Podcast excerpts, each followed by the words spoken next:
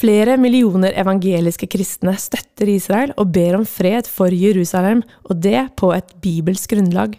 Men hva tenker egentlig det jødiske folket om de kristne vennene sine, og hvordan tar de imot kjærligheten fra kristne verden over? Forstå Israel. Israel.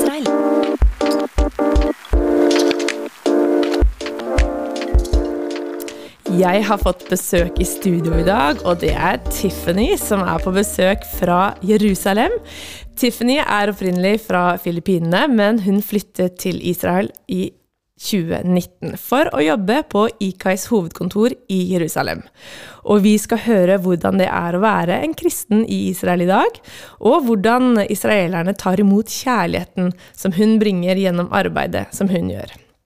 For deg som ikke kjenner til Internasjonale kristne ambassade i Jerusalem fra før av, så kan jeg jo si at vi er en global kristen organisasjon som har vært til i over 40 år. Vi har avdelinger i 90 land. IKAIs hovedmål det er å støtte Israel, bygge vennskap og bygge bro mellom kristne og jøder, vi har hjulpet 165 000 jøder tilbake til Israel de siste årene, og har flere hjelpearbeid innad i Israel.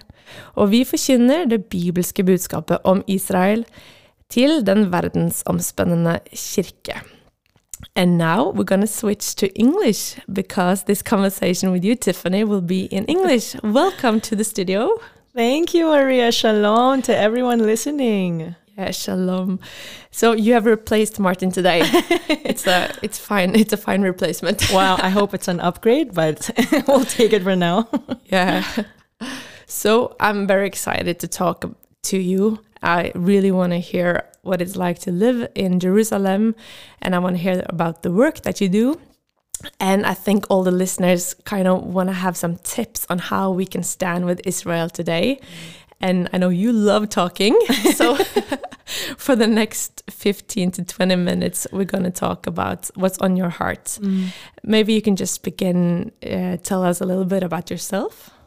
Wow. Well, um, so, my name is Tiffany. I am from the islands of the Philippines, born and raised in the city of Manila and the islands surrounding it. I've been in Jerusalem now for more than three years. I'm actually my fourth year with the International Christian Embassy Jerusalem. So, I started off as heading events registration, and it's just earlier this year I transitioned to heading marketing for the nonprofit. Cool. Yeah. Well, you're a busy person. I see you on videos, I see you on films, and yeah, you're kind of very involved with the ICEJ and the project. So, um, you've been in Israel for about four years, but when you grew up, what did you know about Israel and how did you feel about Israel? Wow. Um, very interesting question, Maria. So, I grew up in a Christian conservative background. In the Philippines, um, we've always been uh, evangelical in that regard. You know, we were um, taught how to evangelize, the Great Commission, in sharing the gospel to everyone we knew. Israel wise, um, from my end, at least from in my opinion, I knew that it was a holy nation. It was God's chosen land. It's God's chosen people.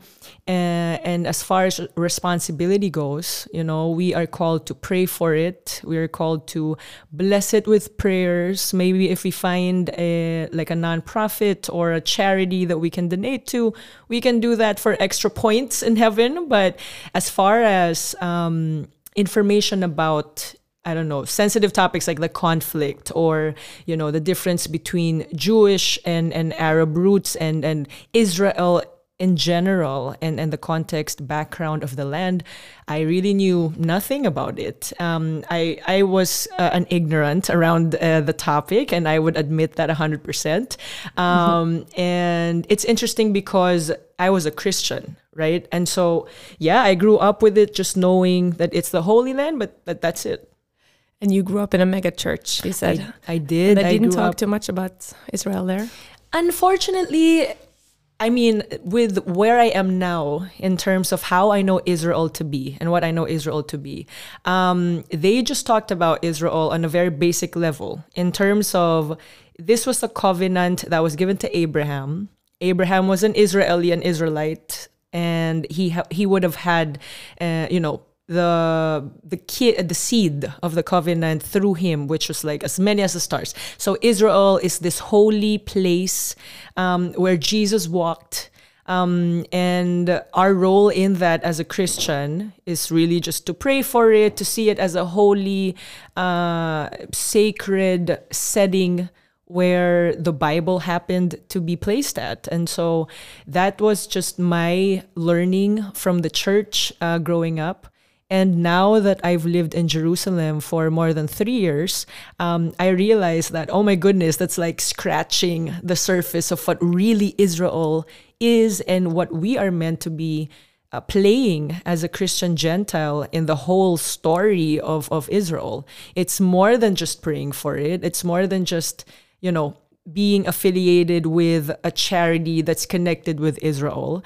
But now with the ICEJ, obviously, um, we are meant to comfort the people of Israel. We are meant to be uh, an agent of, of the truth of, of the gospel to the land, right? And we kind of owe it to them uh, when we talk about the salvation uh, story of mankind. Obviously, Yeshua, Jesus, is is our grace, our you know atonement for sin. But if we have a role to make the Jews jealous, right, to make them curious about who Jesus is, um, by showing them that we are saved through Jesus, and by showing them that yeah, we owe it to you because of the Romans 11 context of it all. Maybe I'm talking a little bit too much about that, but okay, um, but those these elements around Israel, around the salvation story, around Israelites, you know, these were not really uh, what do you call it, drilled to us as a church growing up because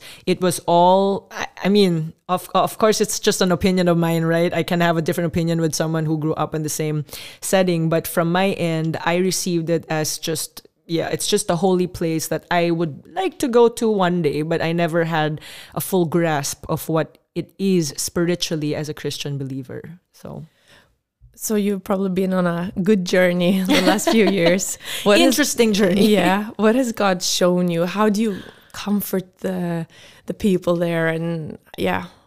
Wow. Um I guess uh, the short story of it is I see ICEJ I, I, I perceive the International Christian Embassy Jerusalem as a ministry that acts as the hands and feet of, of Christians from around the world who want to bless Israel, period. So if if um, how do we do that right? We do different types of aid on the ground. We we fund aliyah flights. We help jewish people from around the world in claiming their citizenship back to the holy land. That's one thing. Another thing is um, to date we have we were talking about it earlier. We've already helped donate uh, 185 bomb shelters around Israel, the Gaza border, the south, the vulnerable critical communities when rockets come in, when conflict arises, um, through the donations that we get from partners around the world. Another thing would be you know, running the Holocaust home shelter in Haifa, where we care for the locals, local Jewish people who are already in their elderly stage, who do not have family anymore, and who want to be taken care of. And so these are practical, tangible things that the ICEJ does on the ground in Jerusalem, all around Israel, that are helping comfort them and bless them as the Bible instructed Christians to do. Do you only help Jews or everybody yeah. no we we actually help um, all around. We help all types of communities who are based in Israel. So obviously the the front of the communities in Israel will be the Jewish people but we also help Arab Israelis. We also help the Druze community. We also help the ones who live in the Bedouins right and the, the desert. And so all these different um, communities in the land are are in need of aid and as um, a volunteer, as, as someone who is plugged in the ICEJ, we get to have that privilege and that opportunity to be the hands and feet of the Bible in, in sharing them what the love of Yeshua or love of Jesus looks like. So when you you move there and you're a Christian Mm-hmm. from the Philippines. Uh, how do people respond when they meet you and hear about your work and why you're there?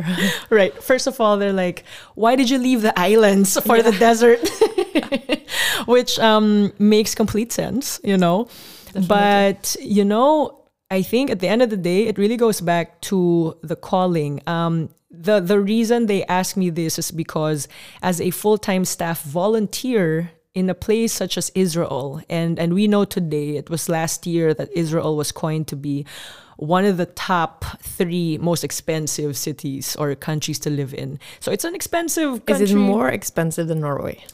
Ooh, you know what? I would actually say yes. I would actually say yes because if if I read uh, the article correctly or the statistics, it's one of the top three, and and the top two is probably like China or Hong Kong. You know, like It's other expensive. very I mean, last time I was there, like when I travel, I normally find everything cheaper. Right. I was like, oh, it's the same. The coffee costs the same.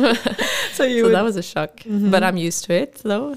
There you go. So it is an expensive place, right? I mean, at least for me, as someone who's not from there, why I choose to live there, I would have to go back to the call. You know, um, the Philippines is a beautiful place. I that's home for me. You get everything at a very reasonable price for extreme superior quality, but you would only move to a place like Israel because of its uniqueness and specialness, right? Um, so when I meet locals, why are you here as a volunteer? I am here because of what you call a calling or a purpose, and um, this is what the Lord has given me. The first time I've stepped into the land, He cut the long story short, he really just unlocked that passion for Israel and the people and revealed to me the responsibility that we have as a Christian Gentile, right? Um, to contribute to the Israel story. And so that's why I'm there and that's what I tell them. And how they do they respond?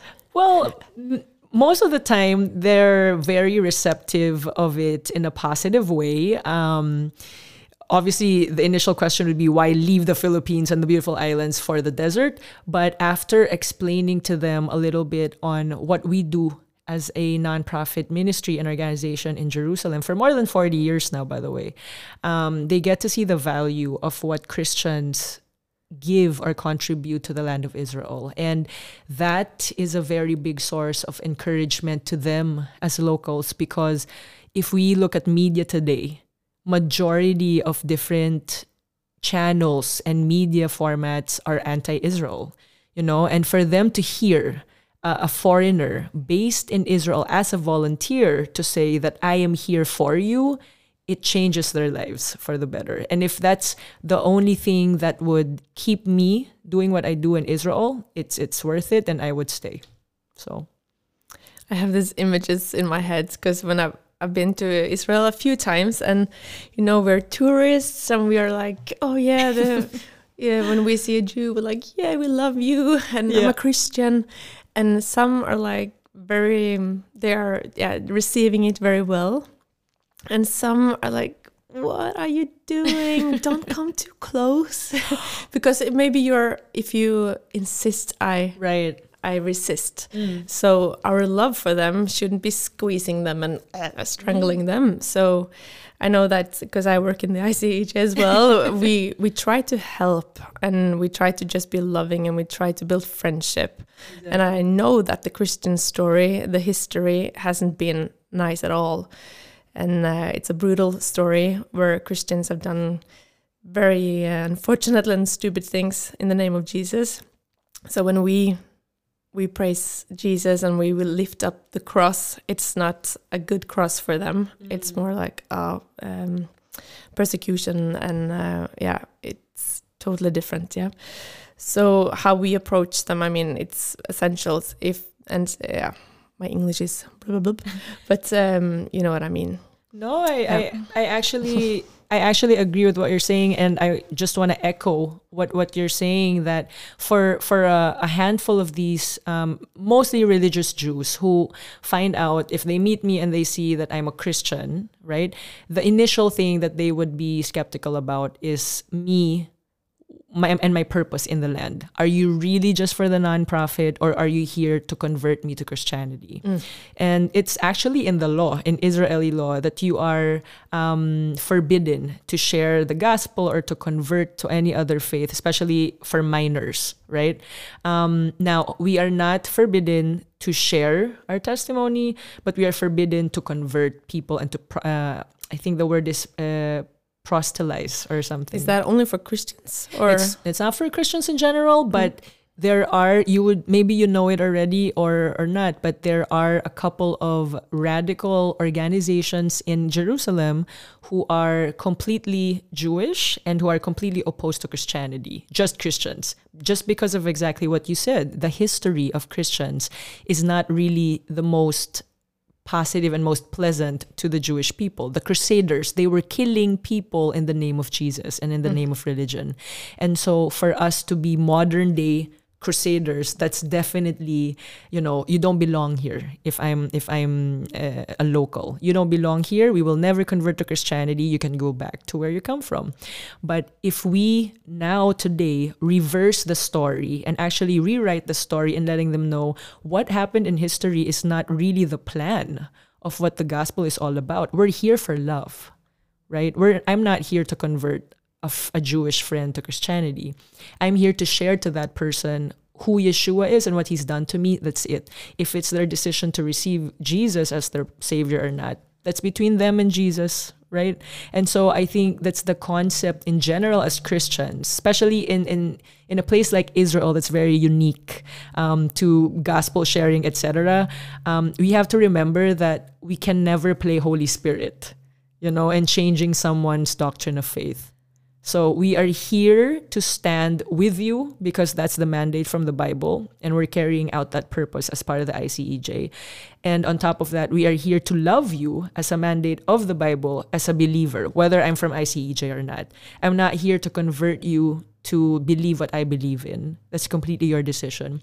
But if I can contribute just a very minimal uh, piece, right, to what my faith looks like because of Jesus, I'm all for that and that's my role and purpose. I like that to rewrite the history. yeah. yeah. We really strive to build a bridge between Mm. Christians and Jews, and we do it in love, and we love all people. Amen. Definitely. Amen. Um, our conversation is soon uh, over, but um, ICEJ have this big event every fall, and it's called the Feast of Tabernacle. In Norwegian, it's Løvhyttefesten, and that's a biblical event.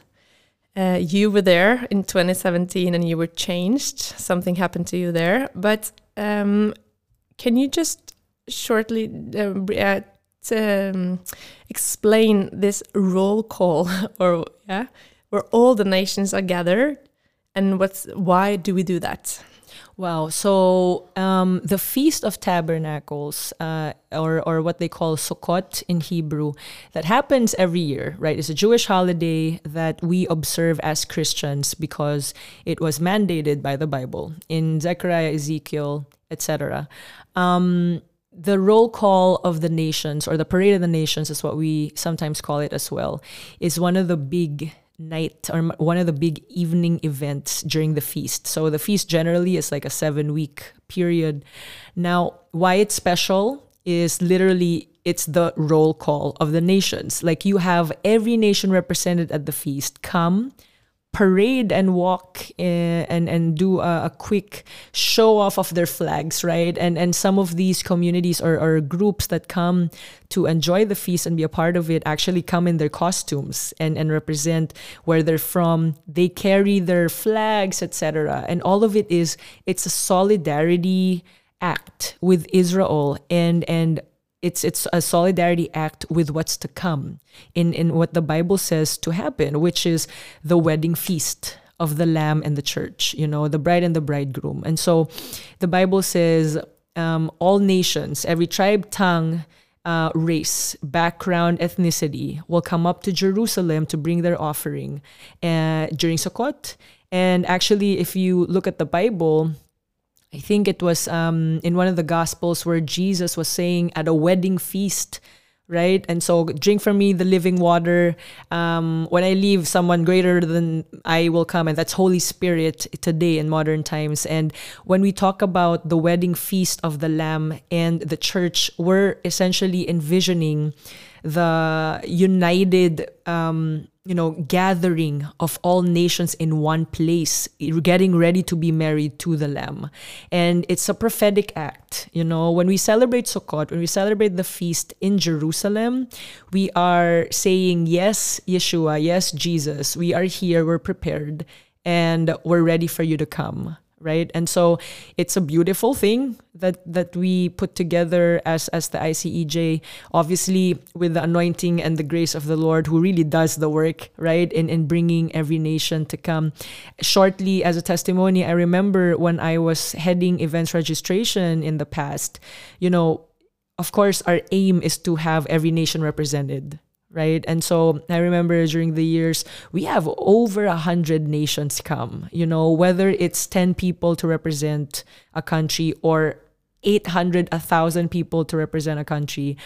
One person still represents a nation. And it's a beautiful culminating event of just seeing that vision of the world being in the holy place where Jesus walked, where Jesus will return, and saying Baruch haba b'Shem Adonai, you know, blessed is the one who comes in the name of the Lord, and it's prophecy fulfilled in this day and age, and it's it's a privilege to be a part of that um, event. Yeah, you can actually read about it in Revelations chapter seven, verse nine. There you go. There you yeah. go. Thank you so much for being here, and I hope you have a good stay in Norway you can follow Tiffany on Instagram and uh, follow the ICEJ uh, headquarters. And uh, yeah, she's all over the place in a good way. Thank you so much, Tiffany.